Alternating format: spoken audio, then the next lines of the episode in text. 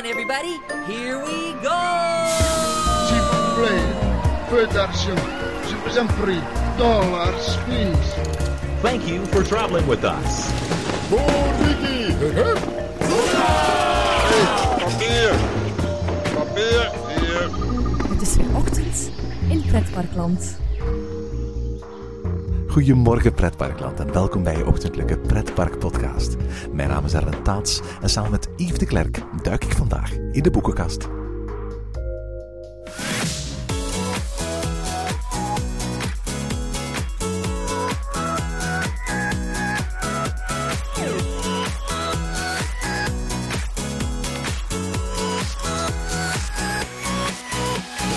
Walibi Belgium bestaat dit jaar 40 jaar.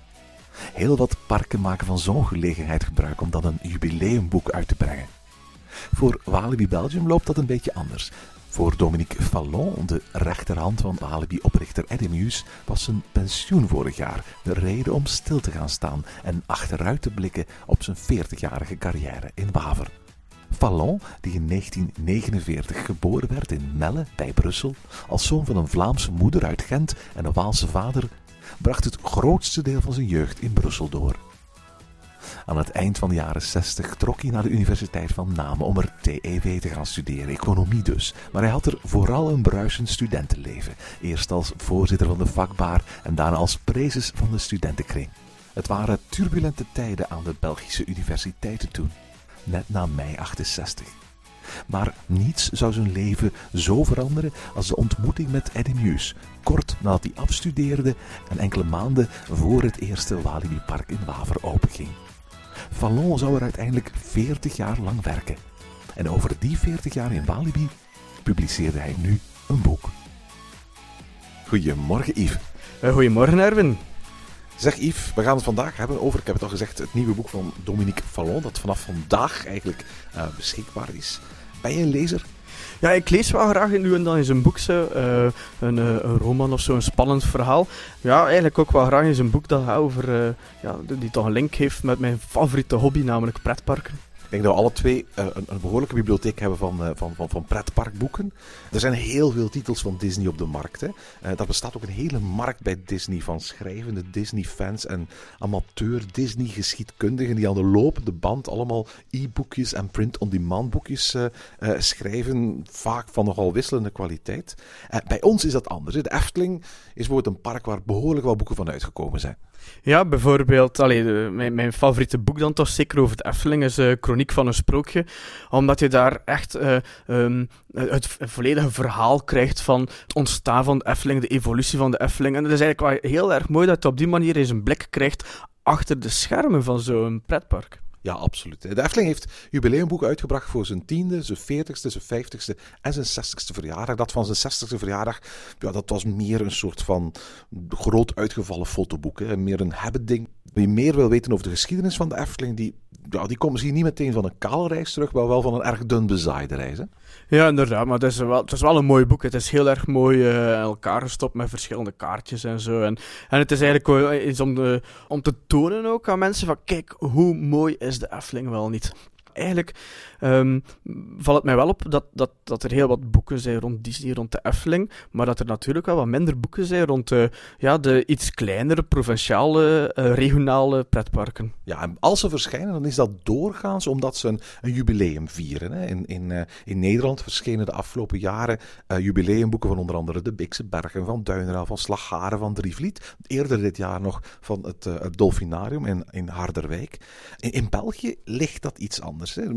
Plopsa, dat is nog wat te jong voor een, eh, voor een boek. Over Meli zijn tot nu toe een aantal werken verschenen, waaronder de biografie van stichter Albrecht Florizone en een fotoboek eh, naar aanleiding van een eh, fototentoonstelling in Charleroi. Over Bobby Aland verscheen nog geen apart boek, maar een deel van die geschiedenis werd natuurlijk wel met heel veel illustraties en, en, en, en, wat eh, zweverig taalgebruik verteld in het boek van eh, Tom Schoepen over, over Bobbejaan. Van Bellewaarde verscheen een jubileumboek ter gelegenheid van de 40ste verjaardag. En van Walibi moesten we het tot nu toe stellen met eh Hors des Sentiers. Dat is de biografie van Walibi-stichter Eddie Meus. Heel interessant, maar uiteraard, eh, dat vertelt niet wat er gebeurd is in Walibi na de overname door, door Six Flags. Maar dus eh, vanaf vandaag is er eigenlijk wel veranderingen gekomen, omdat er een nieuw boek is uitgekomen. Echt wel voor pretparkliefhebbers die geïnteresseerd zijn in Wallaby. Geschreven door Dominique Vallon, eh, die we toch wel kennen als de rechterhand van uh, Eddie Meus.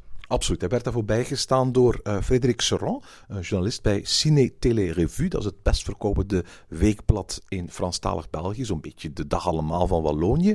Het boek verschijnt dit keer in tegenstelling tot Hors des Sentiers zowel in het Nederlands als in het Frans. En de Nederlandse titel is Walibi, wanneer een kangoeroe een pretpark op zijn kop zet. Ja, dus dat is zo'n beetje een, een, titel zoals een stripverhaal of zo dan eigenlijk. Zo, hè? Ik verwacht dan eigenlijk de kangoeroe als hoofdpersonage van het boek, Erwin. Deels is dat ook natuurlijk zo. De kangoeroe speelt een heel belangrijke rol in het boek. En, en de titel is een beetje kinderachtig natuurlijk. Hè? En ook de, de, illustratie op de voorkant met de nieuwste variant van de, van de kangoeroe erop, doet dat ook een beetje vermoeden. Maar hoewel het boek erg toegankelijk geschreven is, is het eigenlijk zeker geen kinderboek en ook zeker geen stripverhaal. Terwijl Orde Sonte de biografie was van het volledige leven van Edemius. En Meus al 50 jaar oud was toen hij Walibi opende. En het Walibi-deel dus maar een klein deeltje van het hele verhaal is, was Fallon nog maar een jonge twintiger toen hij voor Edemius ging werken. En dus is het verhaal van Dominique Fallon eigenlijk het verhaal van Walibi.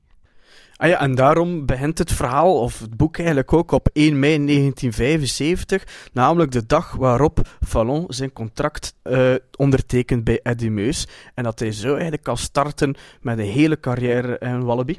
Absoluut. We hebben Dominique Fallon al verschillende keren uh, geïnterviewd voor Ochtend in Pretparkland. Laatst nog naar aanleiding van de 40ste verjaardag van Walibi. En ik kan uh, beamen wat veel mensen, en, wat ook de directeur van Walibi in de inleiding schrijft, vertellen over Dominique Fallon. Er lopen in Pretparkland maar weinig mensen rond met zoveel passie, met zoveel liefde en met zoveel vrolijkheid, die zo betrokken zijn op hun park. Als je uh, ooit de kans krijgt om met Dominique Fallon te spreken, doe dat. Hij is een wandelende Walibi-encyclopedie. En, en, en wie dit boek openslaat, uh, die, die, die wordt 180 bladzijden lang eigenlijk getrakteerd op honderden anekdotes uit de 40-jarige geschiedenis van het park. Ja, dat is fantastisch. En eigenlijk, zo mensen heeft uh, Pretparkland nodig. Hè? Echt mensen die met hart en ziel willen werken aan, aan, uh, aan hun park. Dat is, dat is mooi om te, om te zien ook. En dat is ook mooi dat je dat kan terugvinden in het boek. Absoluut. Die, die, die, dit boek is geen biografie van uh, Dominique Fallon. Uiteraard komen er heel veel biografische elementen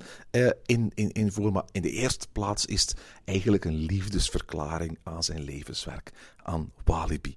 Daarom is het ook passend en bescheiden dat de naam Walibi in grotere letters op de kaft staat dan zijn eigen naam. Is niet de stichter van Walibi, dat was uiteraard Meus, maar heeft zo'n belangrijke rol gespeeld van de maanden voor Walibi openging tot nadat eigenlijk, bij wijze van spreken, hij al op pensioen is gegaan, dat hij echt een geprivilegeerde toeschouwer en belever was van eigenlijk die hele geschiedenis van het pretpark. Uh, Erwin, je zegt dat het een redelijk toegankelijk boek is. Moet je eigenlijk veel weten van Wallaby om uh, aan de slag te gaan met het boek, om het boek te lezen?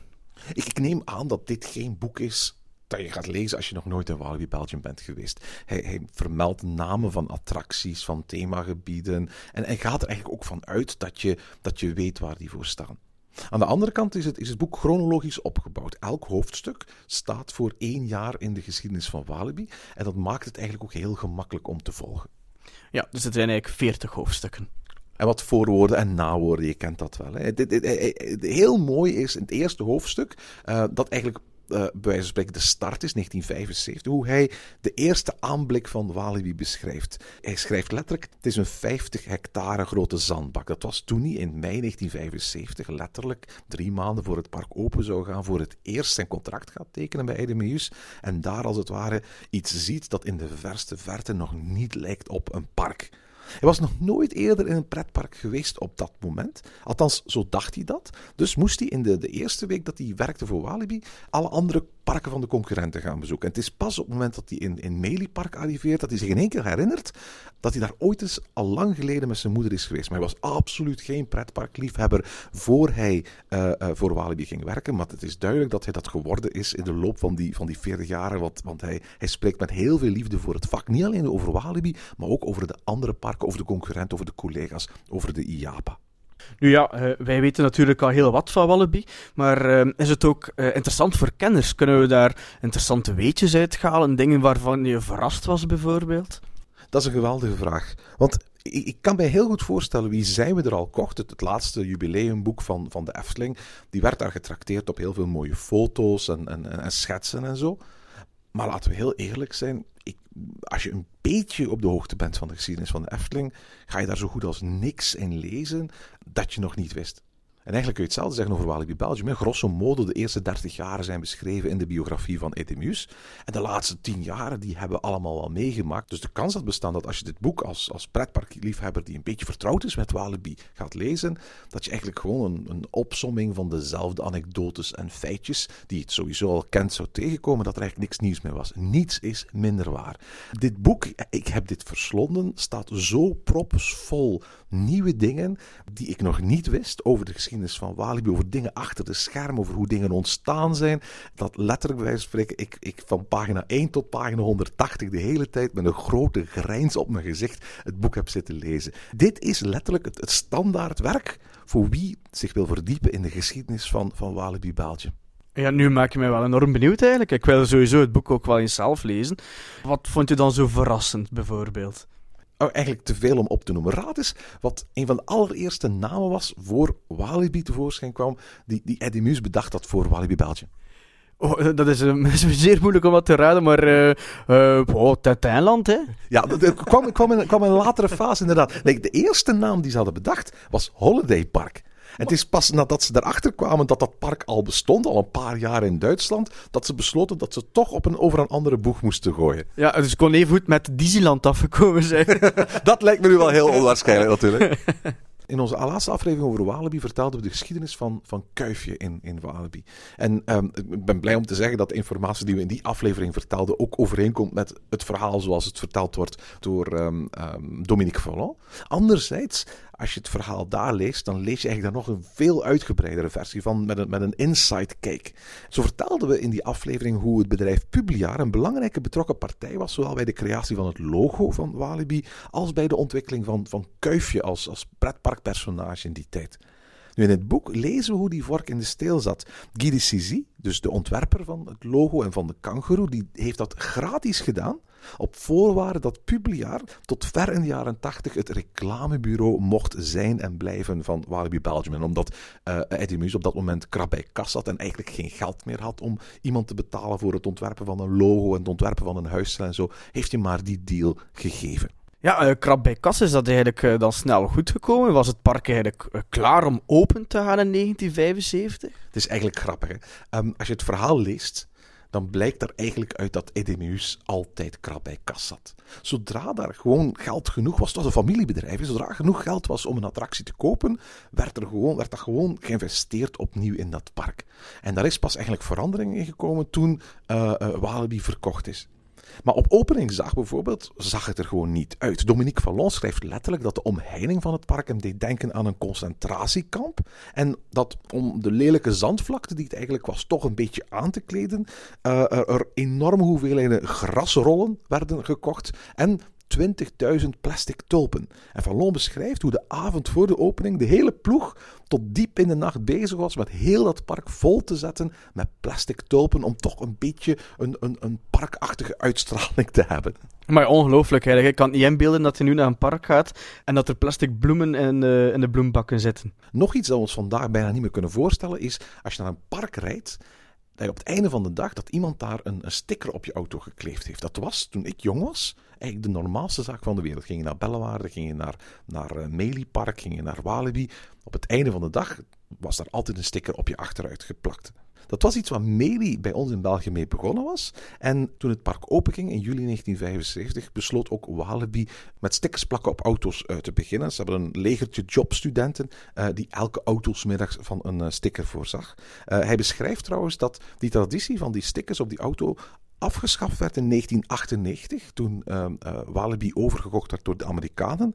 Vallon schrijft dat voor Amerikanen dat onbegrijpelijk was. Voor, hen is een auto zo heilig dat ze zich niet konden voorstellen dat Europeanen het tolereerden dat daar zomaar een sticker werd opgeplakt. Ja, maar eigenlijk was dat een beetje rijdende reclame. Je kon zo vaak zien in de auto's naar welke pretparken ze geweest waren.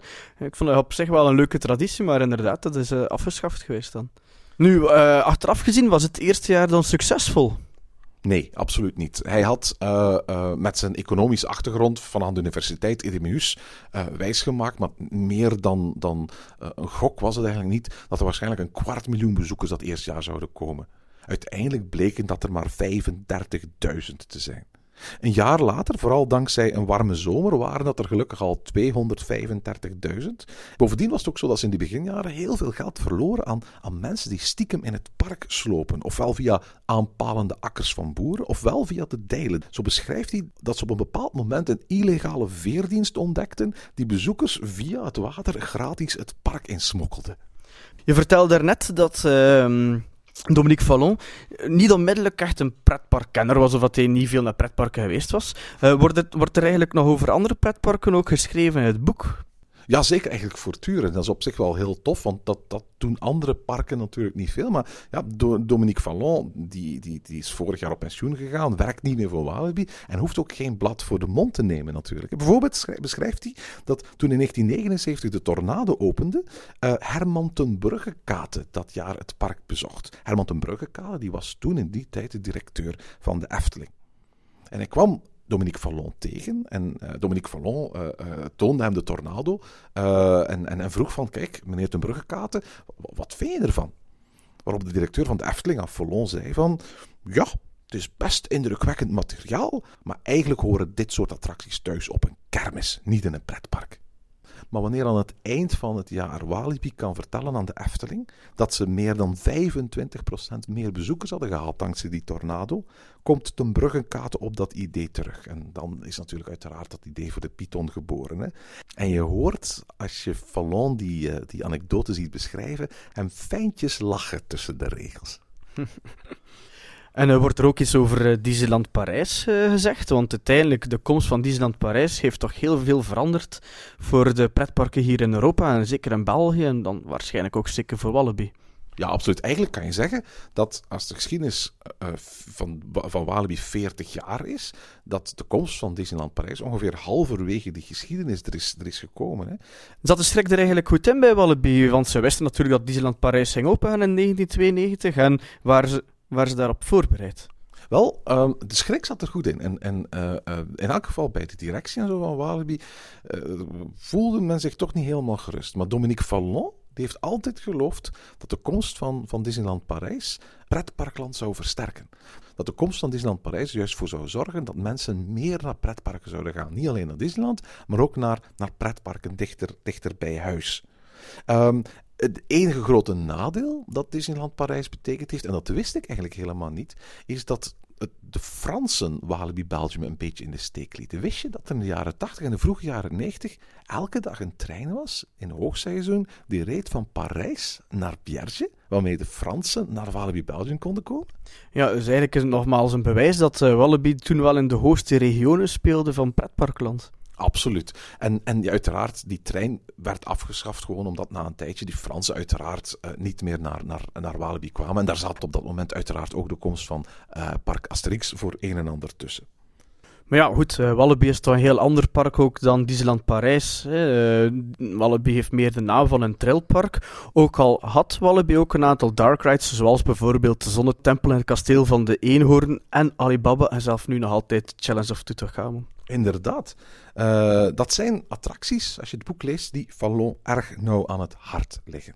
Maar, maar toch, en dat, als Dark Ride-liefhebber deed dat mij pijn om dat vast te stellen, schrijft hij dat de Dark Rides van Walibi nooit een succes zijn geweest. Letterlijk schrijft hij daarover: We konden niet anders dan vaststellen dat Dark Rides geen bezoekers trokken. Onze gasten bezochten die graag en ze waren noodzakelijk voor de balans van ons park, maar niemand praatte erover. Iedereen was vol lof over de achtbanen, maar over de dark rides had niemand het. Zelfs Challenge of Tutankhamon zou nooit rendabel zijn. Dat komt letterlijk uit het boek. Fallon schrijft dat hij wel vond dat die dark rides nodig waren, maar dat een beslissing voor een nieuwe achtbaan altijd veel sneller gemaakt was dan voor een nieuwe dark ride. En ja, als Dark Ride liefhebber vind ik dat eigenlijk bijzonder jammer om te lezen. Ja, wij moeten het gewoon veel meer over Dark Rides hebben. Nu, als je het boek leest, Erwin, is het alleen maar een positief verhaal? Of kan hij ook kritisch kijken naar die geschiedenis van Wallaby? Heeft hij ook eh, een aantal misschien negatieve opmerkingen?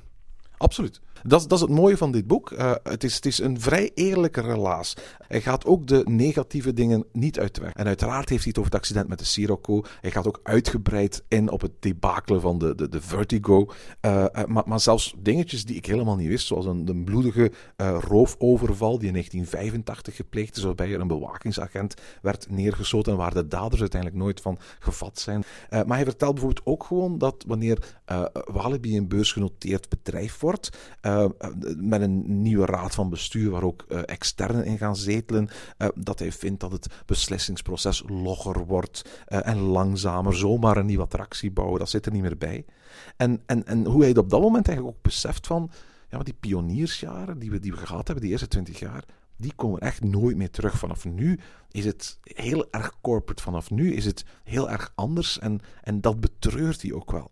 Hij vermeldt bijvoorbeeld ook alle doden die in de geschiedenis van Walibi vielen. En je kunt je niet voorstellen dat Efteling die ooit gaat opsommen in, in eh, een chroniek van een sprookje zelfs. Of dat Disney dat ooit in een jubileumboek zou gaan, gaan doen. Hij vermeldt onder andere een jonge vrouw die een beroerte kreeg bij de Vampire. Een priester die bezweek eh, bij de Raja River. En een bezoeker die een hartaanval kreeg voor een kraam dat pindas verkocht. Fallon kan het natuurlijk niet laten daar heel laconiek over te zijn en eh, te schrijven dat het wel eens zou kunnen geweest zijn dat hij die hartaanval kreeg op het moment dat hij die prijs van die pindas zag.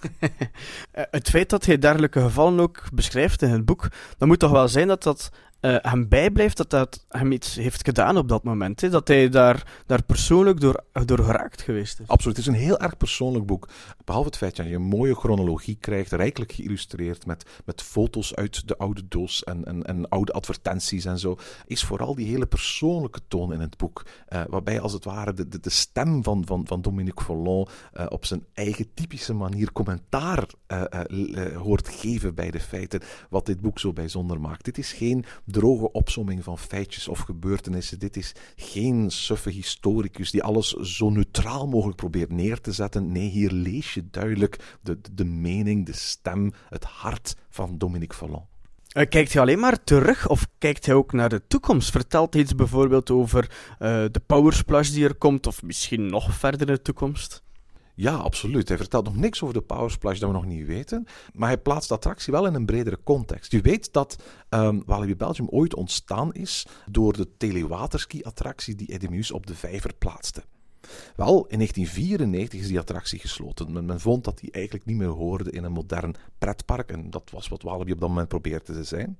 Maar hij beschrijft dat zodra die attractie was weggehaald, ze eigenlijk spijt kregen van die beslissing. Men had eigenlijk over het hoofd gezien wat een enorm kijkspektakel die, die telewaterski eigenlijk wel was. En wat een enorm grote vijver die vijver in het midden van dat park eigenlijk wel was. En toen die telewaterski-attractie weg was, bleek dat, dat dat grote hart, die vijver in Walibi, eigenlijk een grote lege plek te zijn. Ze hebben dat een beetje opgekalefaterd door er een jaar later een grote fontein in te zetten en eh, eh, door er een treintje omheen te laten rijden. Maar eigenlijk zijn ze nooit blij geweest met het feit dat daar op die plek, bij wijze van spreken, in het midden van dat park, dat ze daar die attractie hebben weggehaald. Je, je merkt ook met hoeveel blijdschap Dominique Fallon schrijft over die Power Splash. Niet alleen omdat, bij wijze van spreken, daar eindelijk weer eens een grote nieuwe attractie komt, maar ook omdat in zijn ogen die attractie eindelijk weer eens wat leven op die vijver waar het allemaal mee begonnen is, gaat brengen.